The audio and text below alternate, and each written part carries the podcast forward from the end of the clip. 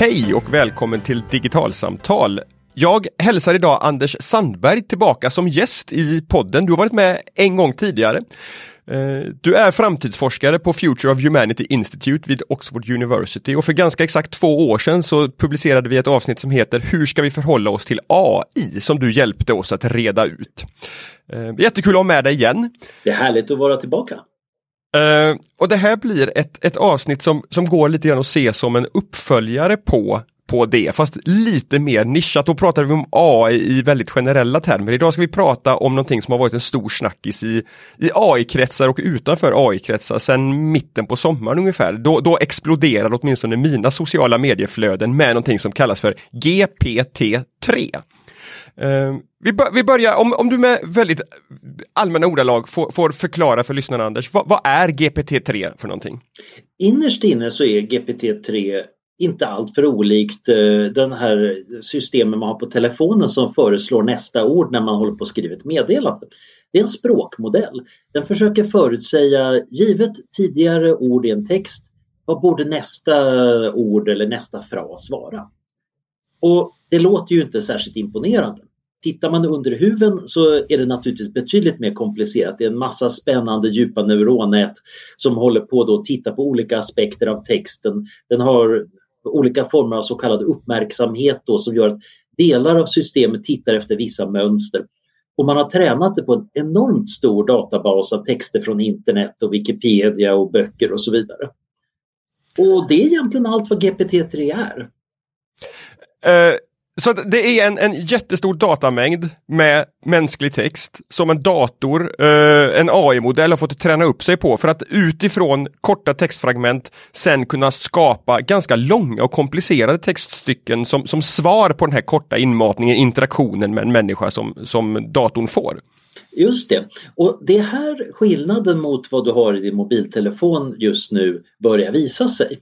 Eh, för om man leker liksom med den här textifyllningen på telefonen, det, finns ju en sån här liten kul memlek en del har gjort att man eh, tar första valet och så får den att hitta på en historia så blir det oftast ganska mycket nonsens. Men eftersom även ens telefoner anpassar sig efter de ord man ofta använder så blir de ofta lite olika och säger lite om vad man ofta talar om.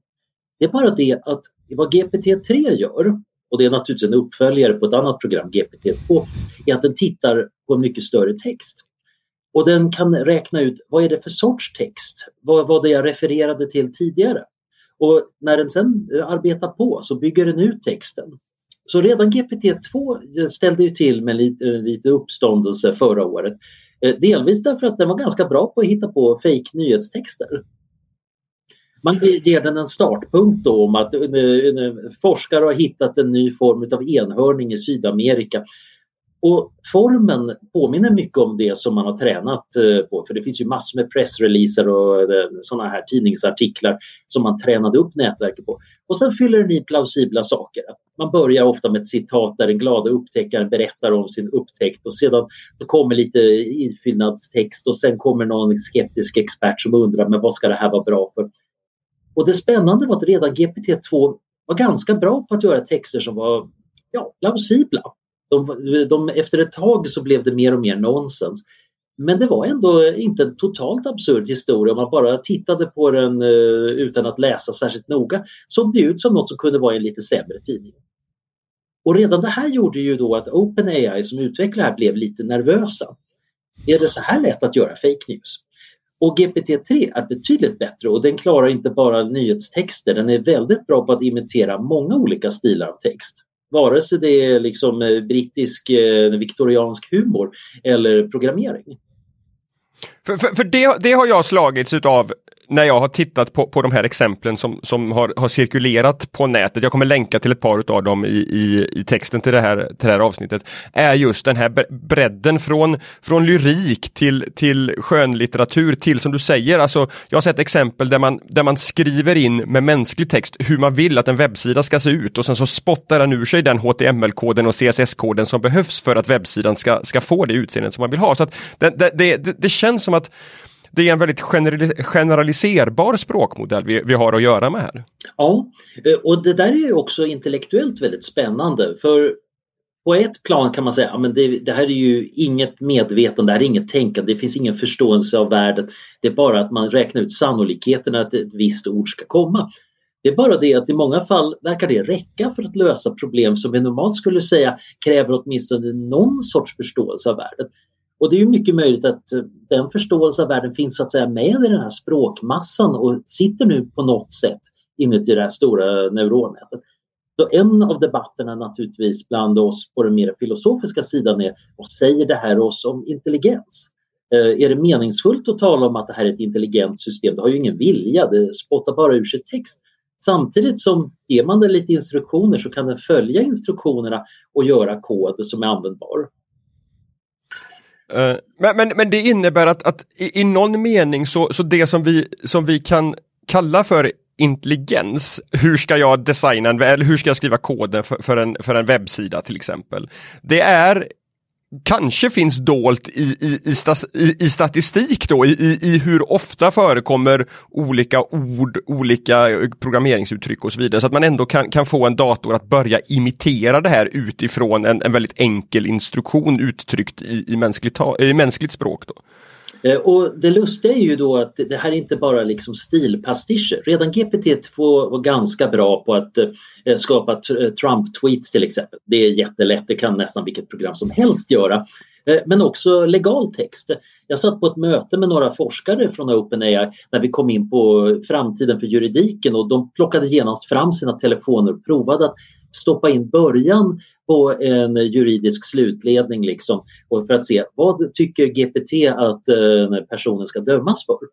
Och även om det var lite slumpmässigt vilka straff de hittade på så lät det ändå som en någorlunda plausibel juridisk text. När man skärskådade domsskälen så började man inse att nah, det här är ju påhitt. Det låter som riktig juridik men kan man ha juridik inser man att den är ute och svamlar. När det gäller GPT-3 är det betydligt svårare. Jag tror inte jag skulle lita på den som jurist direkt men det har ju visat sig kapabel att översätta både juristprosa till vanlig engelska och även vanlig engelska till juristprosa på ett sätt som åtminstone fick min make åklagare att nicka och tycka att det där lät ganska plausibelt. Och det lustiga är ju liksom juridiskt kunnande har alltså på något sätt krupit med här i den här stora databasen utav allt vad man hittade på internet. Man kan ju göra en skillnad här kanske mellan kunskap och färdigheter som att skriva rätt HTML-kod versus intelligens, att verkligen lösa ett helt nytt problem. Men gränsen är ofta ganska suddig. Mycket av det, vad vi gör om dagarna, vi kanske påstår oss att vad, tänka efter när vi gör det men egentligen går det på rutiner. Rutiner som vi naturligtvis har lärt oss genom att se en ryslig massa exempel tidigare och några fåtal gånger tänka efter och prova saker och när det gick bra då gör vi likadant varje dag efteråt.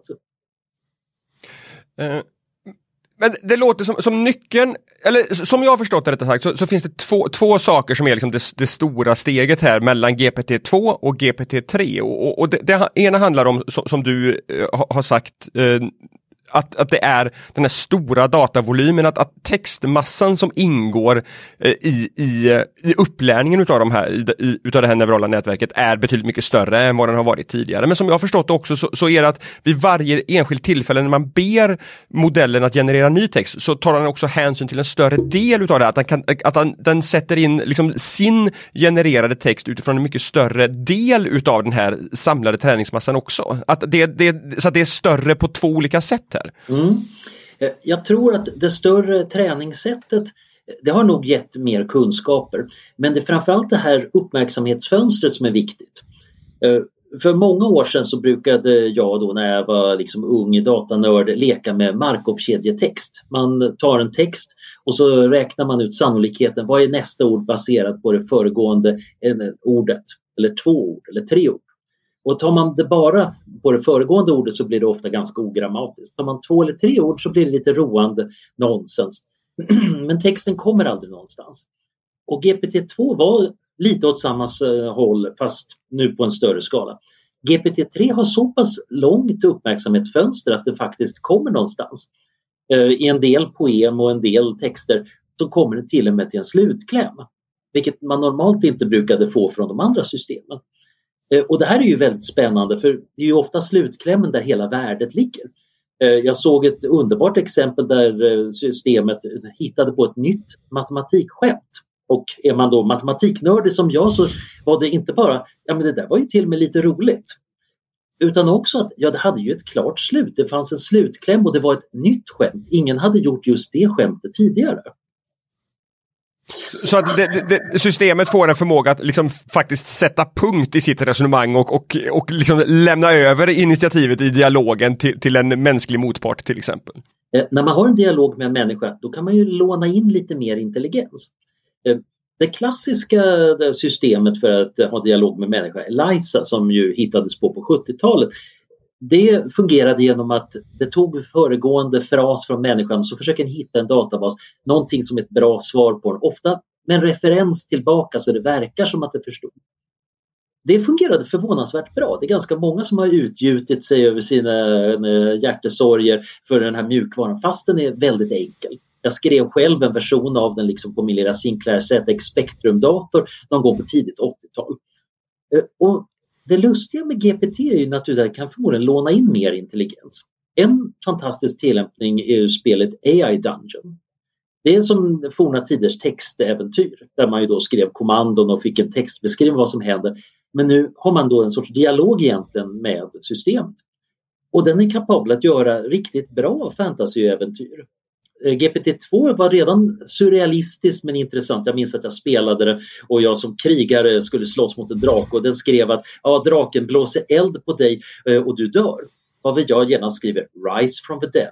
Och jag blev hålnad som gick och hemsökte min gamla hemby istället. Det var oväntat och till och med fungerade ganska bra. Det hade ju inte fungerat om inte jag hade haft den där kreativa lilla knepet att säga ja, men bara för att jag råkar vara död så ska, tänker inte jag finna mig i det. Vad som händer här är naturligtvis att de här systemen lånar mycket av mänsklig intelligens, både i träningen och kanske dialogen. Men det är ju precis så vi fungerar också. Många av de akademiska problem jag löser i min forskning består i att jag håller ett föredrag och så ser jag att en, eh, publiken börjar se skeptiska ut så jag försöker desperat hitta på ett argument och får snabbt säga mm, det där argumentet verkar funka, det här lät bra. Och så får jag kanske några bra kommentarer som jag efteråt när jag skriver artikeln får det att framstå som jag är väldigt begåvad och har räknat ut det här helt själv. Uh, så, att, så att det här blir en, en att, att att systemet också lär sig i, in, inte bara kommer liksom som ett färdigupplärt system utan också kan då anpassa sig till dialogen. Det, är, är det en del i, i det att det blev så stor uppståndelse kring det här, att det, att det blir så bra på det? Eller vad, vad var det som, som gjorde att det här blev en sån ja, här, nästan bomb i, i AI-kretsar när, när OpenAI visade upp det här? Jag tror att delvis det var en bomb med en fördröjd utlösning för artikeln kom faktiskt ganska tidigt på sommaren. Och sen gick det ungefär en månad och ja, de flesta nickade, ja, ja de har kommit med en ny version. Den stora uppståndelsen var ju förra året när vi alla var oroliga att det kunde användas för fake news. Och sen började folk experimentera. Och sen så tog det fart när eh, folk började lägga upp exempel på just hur mycket oväntat som kunde uppstå.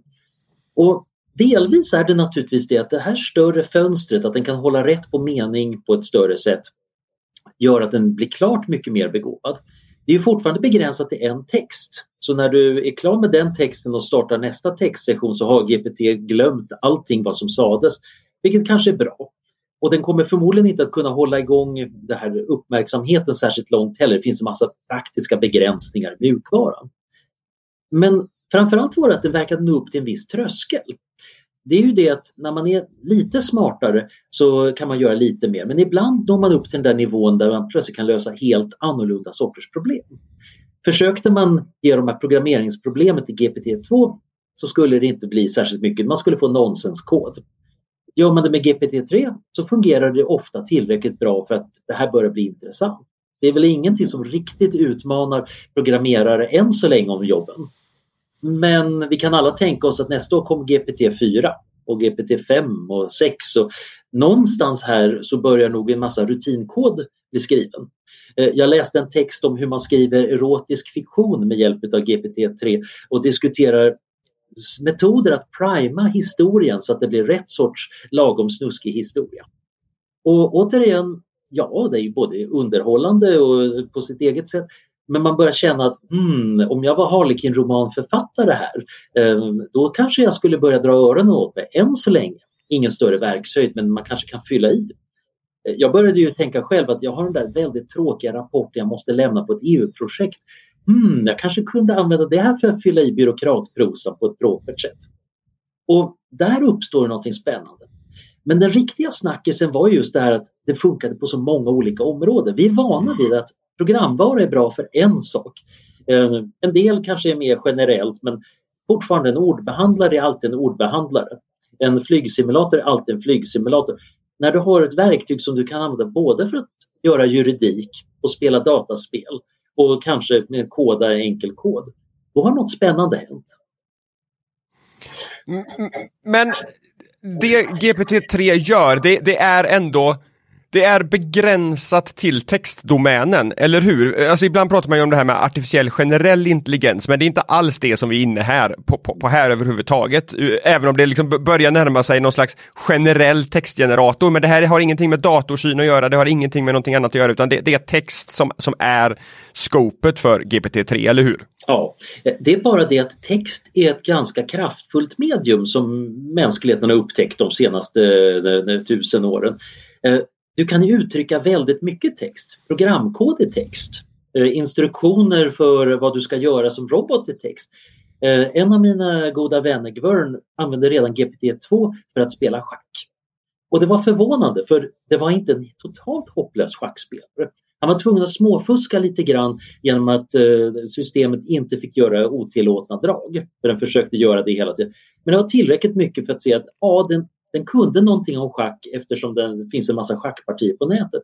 Har ingen aning om hur bra GPT-3 är på schack. Men återigen, text är bra till allt möjligt. Och jag vet att det är en del som är intresserade att integrera också bildigenkänning och den sortens neuronet med GPT-3. Så att jag tror vi kommer att få mer och mer korskopplingar. Mm. Eh, om, om, man blickar utanför teknikersamfundet och de som sitter och, och, och programmerar och jobbar med de här verktygen, där, där det, det, var väl åtminstone där explosionen började i somras. Så, så vad, vad behöver alla vi som står runt omkring, de, de som, som lyssnar på den här podden som kanske är politiker eller beslutsfattare i offentlig sektor eller sitter som, som i, i, i näringslivet på något sätt. Va, vad behöver man förstå av den här utvecklingen när man inte är den som ska, ska jobba med tekniken i sig utan kommer bli en användare eller en, en tillämpare utav tekniken? Jag, jag, tror ju att vi brukade skämta om de här Markov-kedjemodellerna och tidigare att de var bullshit-generatorer. Och det finns ju en del sådana här applikationer eh, på eh, nätet som gör att du kan få en fake postmodern eh, vetenskaplig artikel då, eh, som svänger sig med jargongen. Det har blivit mycket lättare att generera den här sortens text. Det spännande med GPT-3 är att ja, bortom en viss nivå så kanske bullshiten inte längre är bullshit, den börjar bli lite meningsfull. Om inte annat så har det blivit mycket billigare att generera sånt här. Så dels kan man tänka sig att folk kommer att använda det här för att bara fylla i forskningsansökningar och, eh, vi kanske får en risk att vi blir mycket mer datorgenererat nonsens. Men det gör också att man kan fylla i saker som detaljer som man själv inte vill göra. Om, man, om jag ska skriva en historia, varför inte låta GPT-3 fylla i lite karaktärer och lite bakgrundsdetaljer? Eh, eh, om jag gör juridisk eller byråkratisk text, det här kan ju hjälpa mig vara effektivare. Man kan fortfarande tänka sig att människan här interagerar och använder systemet eh, för att lägga på lite färg. Det riktigt luriga är att det här ökar ju min kapacitet att generera saker även i stilar som jag inte är bra på. Det som oroade oss väldigt mycket förra året med GPT-2 var ju att det här är ju jättebra för fake news. Så länge man måste handgöra fake news så finns det en gräns hur mycket trollfabrikerna kan skicka ut. Men om vi nu kan liksom autogenerera effektivare och det ledde ju också till en komplicerad diskussion om hur borde OpenAI ha publicerat det här. De valde att inte publicera den fulla modellen och fick ganska mycket skit om man ska vara ärlig eh, eh, för det. De flesta trodde att det här är bara ett PR-drag. Jag känner tillräckligt mycket folk på insidan för att veta att nej, de var faktiskt oroade. Sen började andra demonstrera att ja, men vi klarar av att göra det också. Man behöver inte bara vara en stor forskningsorganisation för det. Det var till och med en student som gjorde det. Men även han börjar komma på insikten, mm, jag ska nog vara lite försiktig med hur jag publicerar det här. Eh, att bara publicera rakt av kanske inte är helt smart drag. den första oron är att vi kan få en massa nonsens och fake news. Den andra oron kanske är att ja, en massa lågnivåkreativitet, stilpastischer, eh, att eh, fylla i bakgrundstext går lätt att göra. Det gör ju knappast någon arbetslös i början. Men med tiden tror jag att vi kan räkna med att det här kommer att bli bättre och att man också måste lära sig nya färdigheter hur man primar det här. Mycket av tricksen man gör idag på GPT-3 handlar om att du måste börja din text så att systemet förstår vad du är ute efter. Och det är oftast en svår konst. Vi vet egentligen inte hur man ska göra helt rätt. Ibland fungerar det, ibland fungerar det inte. Vissa har fingertoppskänsla för det medan andra aldrig lyckas. Det här är en ny sorts datorfärdighet som fram till i år vi inte visste att det behövdes. Så beslutsfattare ska nog börja fundera på vad är det för småkreativa uppgifter och textbaserade uppgifter som det här kommer börja äta in i. Och än är det ingen ko på isen, men nästa år så kommer det vara lite bättre och nästa år efter det kommer det nog vara ännu lite effektivare. Det finns förstås ett annat aspekt också det här med att den gör sannolikhetsberäkningar av text. Det är att det också är någorlunda bra på att upptäcka om en text har skrivits av, av GPT-3. För den väljer ju nästan alltid ord som är väldigt troliga enligt sin egen modell. Så kör man modellen och bara tittar på sannolikheten kan man se att det här är en text som förmodligen har skrivits väldigt mycket med det här systemet. Så det är ju möjligt att vi kommer att använda versioner av det här också för att hitta fake news eller där folk inte har orkat skriva hela uppsatsen. Så att, så att systemet kan, kan hamna i någon slags eh, eh, vapenbalans med sig självt här på, på, på, på något sätt? Eh, det, det, är ju den spännande frågan och också eftersom det finns konkurrenter. Det finns ett system som heter BERT eh, och det finns ett annat som heter Control som arbetar lite i samma värld. Man har redan börjat experimentera med om de är bra på att upptäcka att texter har gjorts av varandra och det verkar de vara. Och jag är rätt säker på att en del människor också förmodligen kommer att ha en stilkänsla så att de märker av att haha, jag vet totalt att det där är nog en datorgenererad text. Men många av oss kommer nog att falla i fällan eh, och ha svårt att se skillnaden. Och här tänker jag att, att jämfört med, med den typen av utav fake-innehåll som har fått allra störst uppmärksamhet under senare år, det är, ju det är ju här deepfakes-metoden där man, där man gör fejkad, fejkad eh, bild eller fejkad video och, och där är ju liksom utmaningen att man behöver vara ganska duktig, man behöver ha tillgång än så länge till relativt kraftig eh, datorkraft och så vidare. Eh, för, att, för att göra någonting som faktiskt ser övertygande ut. Men, men när vi pratar om textdomänen då är vi ändå vana vid att ja, alla uttrycker sig inte på samma sätt, att det finns en viss variation i hur vi uttrycker oss i text och, och det gör, tänker jag, att det blir lättare kanske att, att skapa trovärdigt textinnehåll en, en trovärdigt eh, syntetiskt bild och videomaterial. Eller tänker jag fel här? Eh, jag tror att det är sant att vi är väldigt känsliga för när video och bilder ser fel ut. För vi har sedan vi öppnade ögonen som spädbarn liksom lärt oss hur världen fungerar. Det går ju att luras, trots att moderna filmer är fulla med datorgrafik och manipulation. Men det kräver väldigt mycket handarbete och folk som är experter för att göra det. Eh, om jag försöker fejka film så går det inte särskilt bra. Deepfakes är på väg åt det hållet och kommer förmodligen bli bättre. Men vår erfarenhet i textvärlden är lite lurig för att läsa juridisk text eller matematisk text eller uh, tweets från uh, politiska motståndare, det är helt olika genrer. Uh, jag har inte läst tweets mer än något decennium kanske. Hur bra konnässör är jag om någonting är äkta? Och det är ju svårt nog eh, redan när man har att göra med människor. Så att det här kommer ju att leda till en spännande utveckling där vi kommer ha just en diskussion om autenticiteten. I synnerhet som att många av oss nog skulle säga att jag vill gärna ha med digitala medhjälpare som hjälper mig att fylla i texten. Jag skulle vara överlycklig om jag kunde ha en liten armé av AI-program som eh, fyllde i detaljerna i min stora bok eh, om framtiden därför att ja, jag vill inte hålla på och ge mig in på alla de där fysikekvationerna. Jag vill att någonting annat ska kolla den. Då kan vi ju hålla på och diskutera hur autentisk är min bok? Och de flesta skulle nog säga ja, men, automatkollade ekvationer, det är ju helt okej. Okay. Det är en annan sak om jag nu skriver en roman och ett par av romankaraktärerna egentligen inte kom ifrån min hjärna utan hittades på baserat på en stor textmassa på internet. Men återigen, många romaner är ju inte sådär jätteautentiska. Vi har ju en del eh, riktiga eh, bestsellers som har startat liksom som fanfiction eh, där man tog andras karaktärer, sen bytte man namn på dem men i någon bemärkelse så hade man redan lånat saker från internet för att skapa en historia som sen slog väldigt bra och i sin tur fick en massa efterföljare. Så delvis har vi naturligtvis den här klassiska västerländska debatten om autentisk text. Vad är det egentligen? Men kanske mer viktigt är, ja, hänger det ihop? För några år sedan var det ett utbrott på internet, eh, det var nyheten att en domstol i Sverige hade bestämt att man inte fick i leksakskatalogen eh, bara ha pojkar som lekte liksom med leksakspistoler och mer manliga leksaker utan även flickor måste göra det. Och naturligtvis, de, the usual suspects var väldigt upprörda över den politiska korrektheten i Sverige visade sig att det här berodde på en Google-översättning utav ett domslut i Marknadsföringsdomstolen. Eh, och den slutade ju med slutsatsen att nej, men det finns, man kan ju inte lagföra om att vilket kön barn i en leksakskatalog ska ha. Men Google Translate missade en negation. Så när man läste översättningen på engelska såg det ut som domstolen tyckte att jo men det måste vara könsbalanserat. I det här fallet så ja, man, som svensk kunde man upptäcka det och påtala det här. Inte för att det hade minsta effekt på debatten naturligtvis, för folk visste ju vad de ville tro ändå.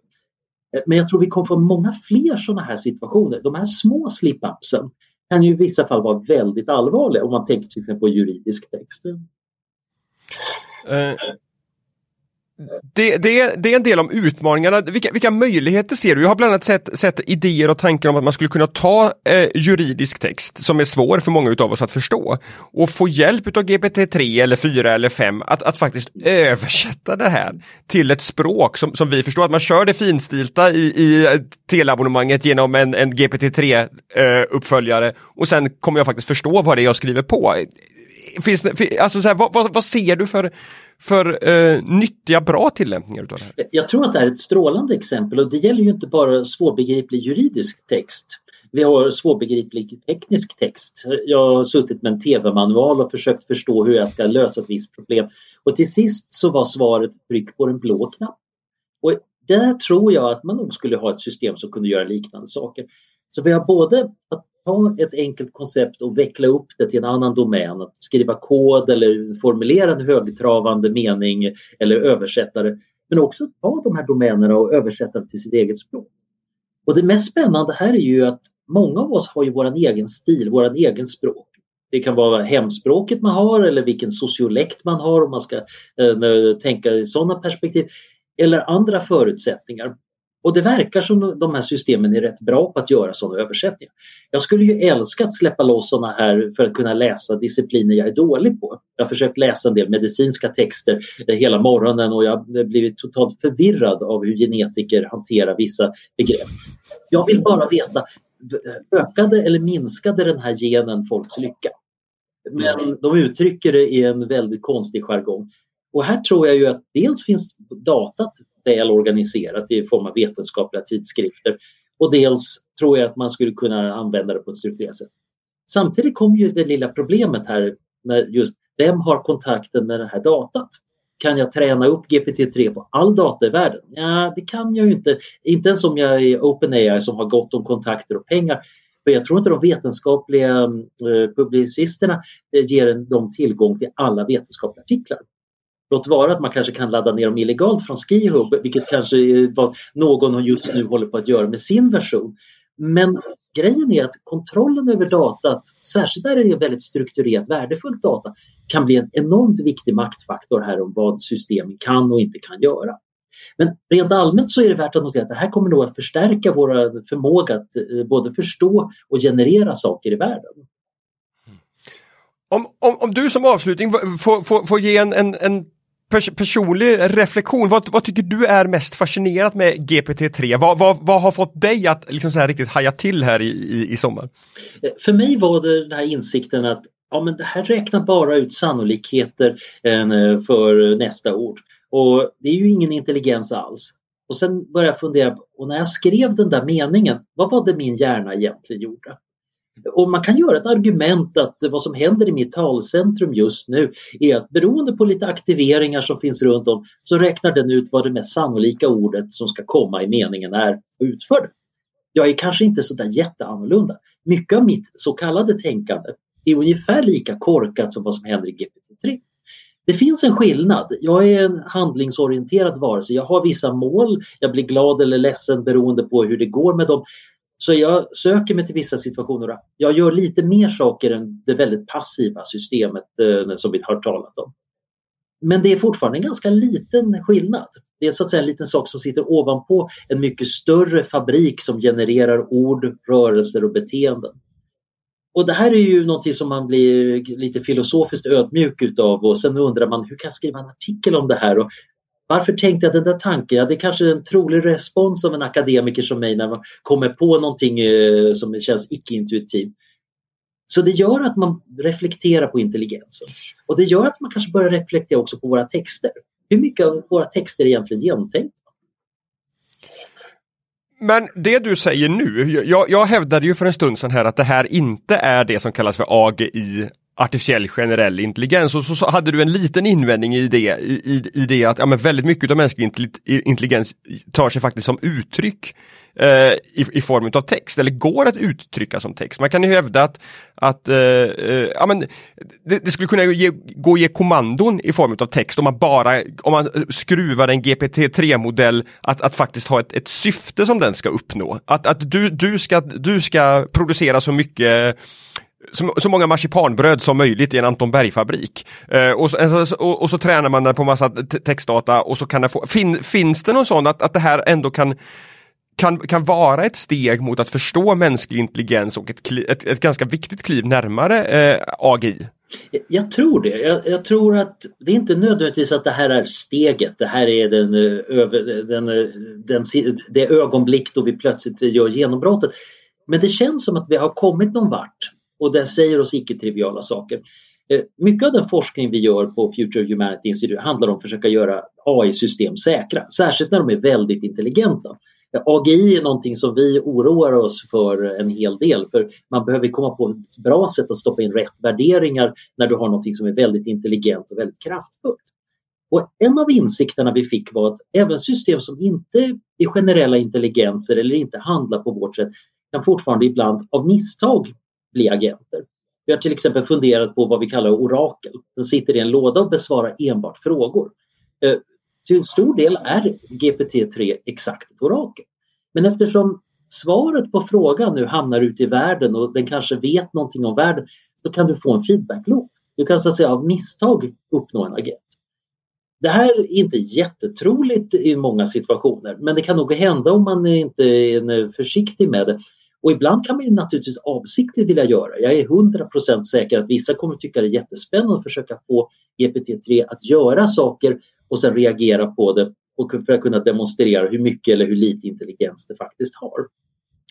Så att det spännande är att det finns ett mått av generalitet här som vi var, blev lite förvånade av. Och när helst ett forskningsfält upptäcker oj, det gick att göra så här enkelt, då, då har vi lärt oss något ganska viktigt om vad vi inte visste förut. Det är ett väldigt viktigt steg framåt. Mm. Eh, Anders, eh, stort tack för att du har hjälpt mig och lyssnarna att förstå lite grann mer om vad den här sommarsnackisen GPT-3 var och vilka eh, konsekvenser och möjligheter som, som följer med den. Eh, tack Anders, det var jättekul att vara med. Och till er som har lyssnat, vi hörs igen om två veckor.